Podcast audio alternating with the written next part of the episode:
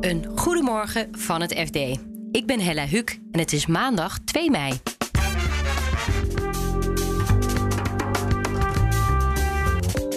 Amerikaanse advocaten willen nu ook in Nederland massaclaims tegen bedrijven indienen. Want die zien daar een mogelijkheid in om uh, zaken die ze in de VS hebben gedaan uh, ook, in, uh, ook in Nederland te doen. En het is lastig te zeggen of de aandelenbonussen van bestuurders in verhouding staan tot hun prestaties. Ze hebben gewoon heel erg geprofiteerd van de tijdsgeest. Dit is de dagkoers van het FD. Steeds meer buitenlandse claimadvocaten vestigen zich in Nederland. En dat zorgt voor een groeiend ongemak bij andere advocaten en bedrijven. Redacteur Zakelijke Dienstverlening Martijn Pols legt uit waarom deze advocaten juist nu naar Nederland komen. Bottom line, om het even op zijn Amerikaans te zeggen, is dat de Amerikanen uh, kansen zien in Nederland voor wat ze in de VS eigenlijk al veel langer doen. Namelijk uh, grote massaclaims namens grote groepen beleggers en consumenten uh, indienen bij de rechtbank tegen bedrijven omdat er schade is geleden. En wij hebben wetgeving ingevoerd die dat ook makkelijker maakt. Ja, het was altijd al wel mogelijk, maar twee jaar geleden is er met de zogeheten WAMKA, dus een wet voor collectieve acties, nou, is het op zijn minst veranderd. Sommige mensen vinden het versoepeld, waardoor je makkelijker voor een groep uh, op voorhand kan zeggen: er is een groep met schade. Dan hoef je niet al die mensen bij elkaar te verzamelen. Dan mag je die zaak al beginnen. En als die zaak dan wordt toegewezen, dan kan daarna worden gekeken welke mensen daar dan recht hebben op een, op een schadevergoeding. En dat maakt Nederland anders dan heel veel andere Europese landen. En dat, dat bevestigt dus ook de komst van die Amerikaanse kantoren. Want die zien daar een mogelijkheid in om zaken die ze in de VS hebben gedaan ook, in, ook in Nederland te doen. Dus je zou kunnen zeggen, dat hebben we allemaal goed afgehamerd in de Tweede Kamer. We hebben dat allemaal geborgd in stevige wetgeving. Waar zijn de critici dan zo bang voor?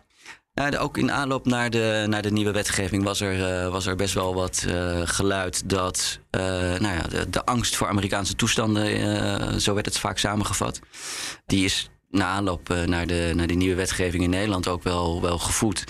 Uh, daar wordt ook vaak bij gezegd dat er dan allerlei financiers op de achtergrond er een financieel belang bij hebben om zaken aan te spannen.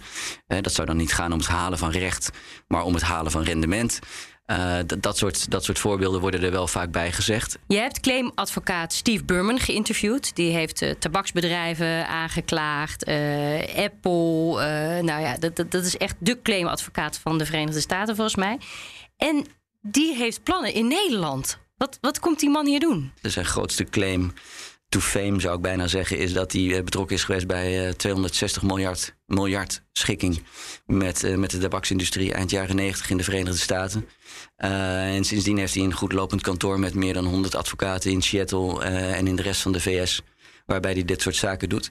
Hij zegt Nederland is nu de arena in Europa aan het worden voor, voor dit soort zaken. Vandaar dat hij ook in Nederland een kantoor wil openen omdat hij mogelijkheden ziet om, uh, om bijvoorbeeld ook, zoals hij in de VS uh, Apple heeft aangepakt en de, de, de App Store die bepaalde voorwaarden en bepaalde dure uh, regelingen heeft voor de mensen die daar apps willen aanbieden.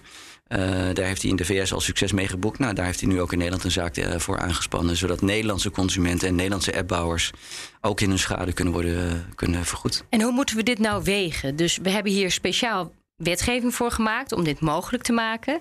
Er zijn mensen die zeggen, ja, Amerikaanse toestanden, we krijgen zo'n enorme claimcultuur. Ja, claimparadijs wordt het ook wel, uh, wel genoemd door Wat, de tegenstanders. Hoe moeten we dit, hoe moeten we dit zien? Nou, het is uh, denk ik uh, heel lastig om, om te zeggen dat na twee jaar nieuwe regels uh, het nu al uit de hand loopt. Een van de voordelen van de nieuwe wet is, is dat er een registratie komt van dit soort claims. Waardoor je dus nu wel een keer kan zien hoeveel er lopen.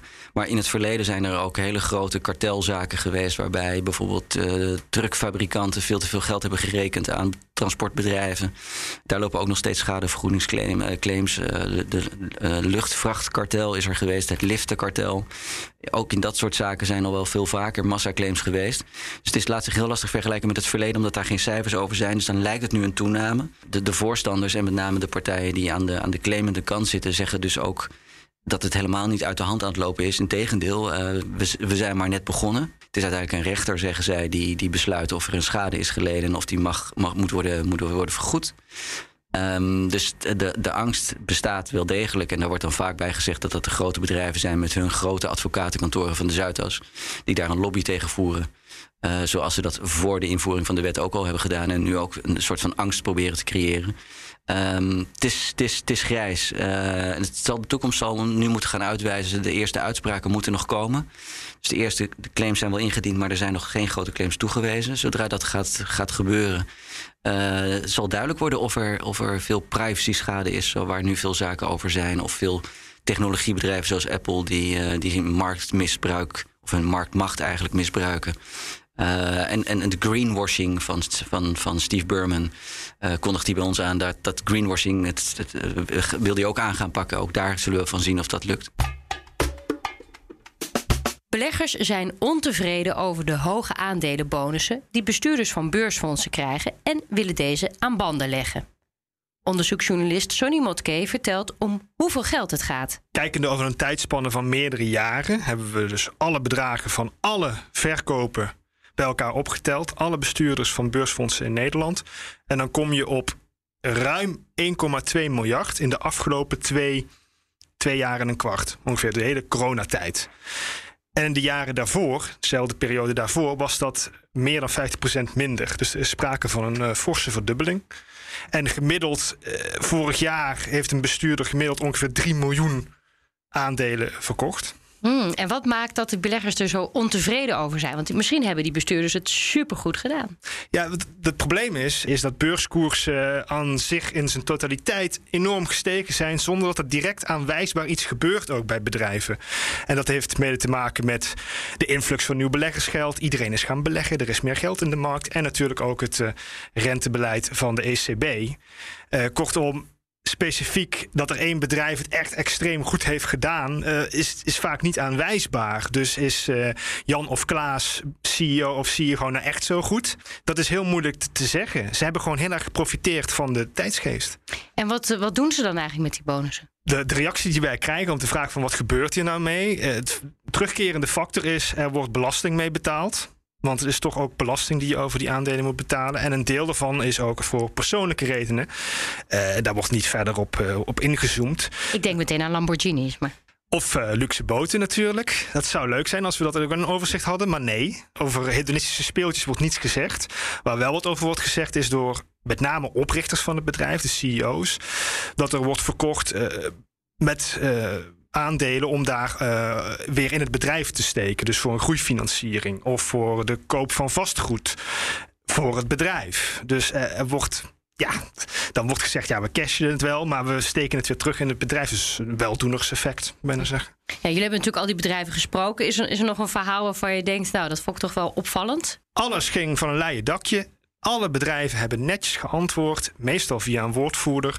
Er was één uitzondering, dus die noemen we bij deze toch. Dat is Besi, uh, chipbedrijf. Mm -hmm. uh, de CEO al daar, uh, meneer Blikman, die staat ook in de top 5 van vorig jaar. Die is ook benaderd van, goh, nou, we kunnen aan openbare data zien dat u zoveel verkocht heeft.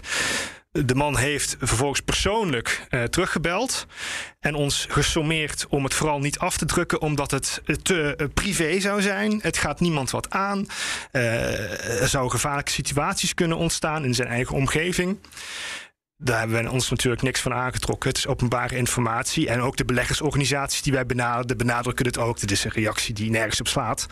Het is transparant en daarvoor, daarvoor moet iemand ook verantwoording afleggen. Ja, het nadeel is dan dat je juist eigenlijk uh, genoemd wordt en de rest, de rest niet. Maar goed, uh, nou begrijp ik dat die beleggers dit nu aan banden willen gaan leggen. Maar hoe willen ze dat dan doen?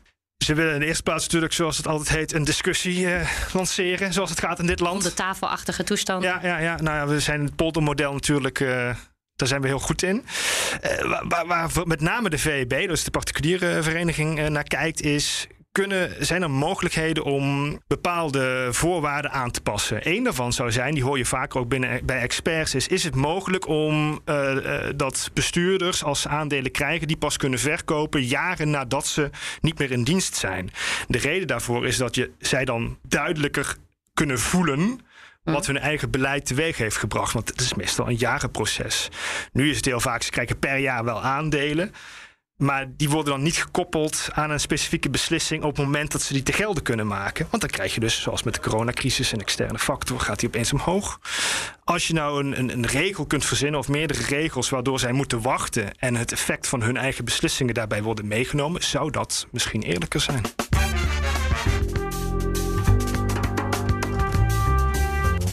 Dit was de dagkoers van het FD. Op fd.nl lees je de verhalen van Martijn over claimadvocaten en van Sonny over aandelenbonussen. En je volgt daar natuurlijk het financieel-economisch nieuws. Dagkoers volg je in je favoriete podcast-app, dus zoek ons daar even op en klik dan gelijk op abonneren. Dan staan we morgenochtend automatisch weer voor je klaar. Een hele fijne dag en tot morgen.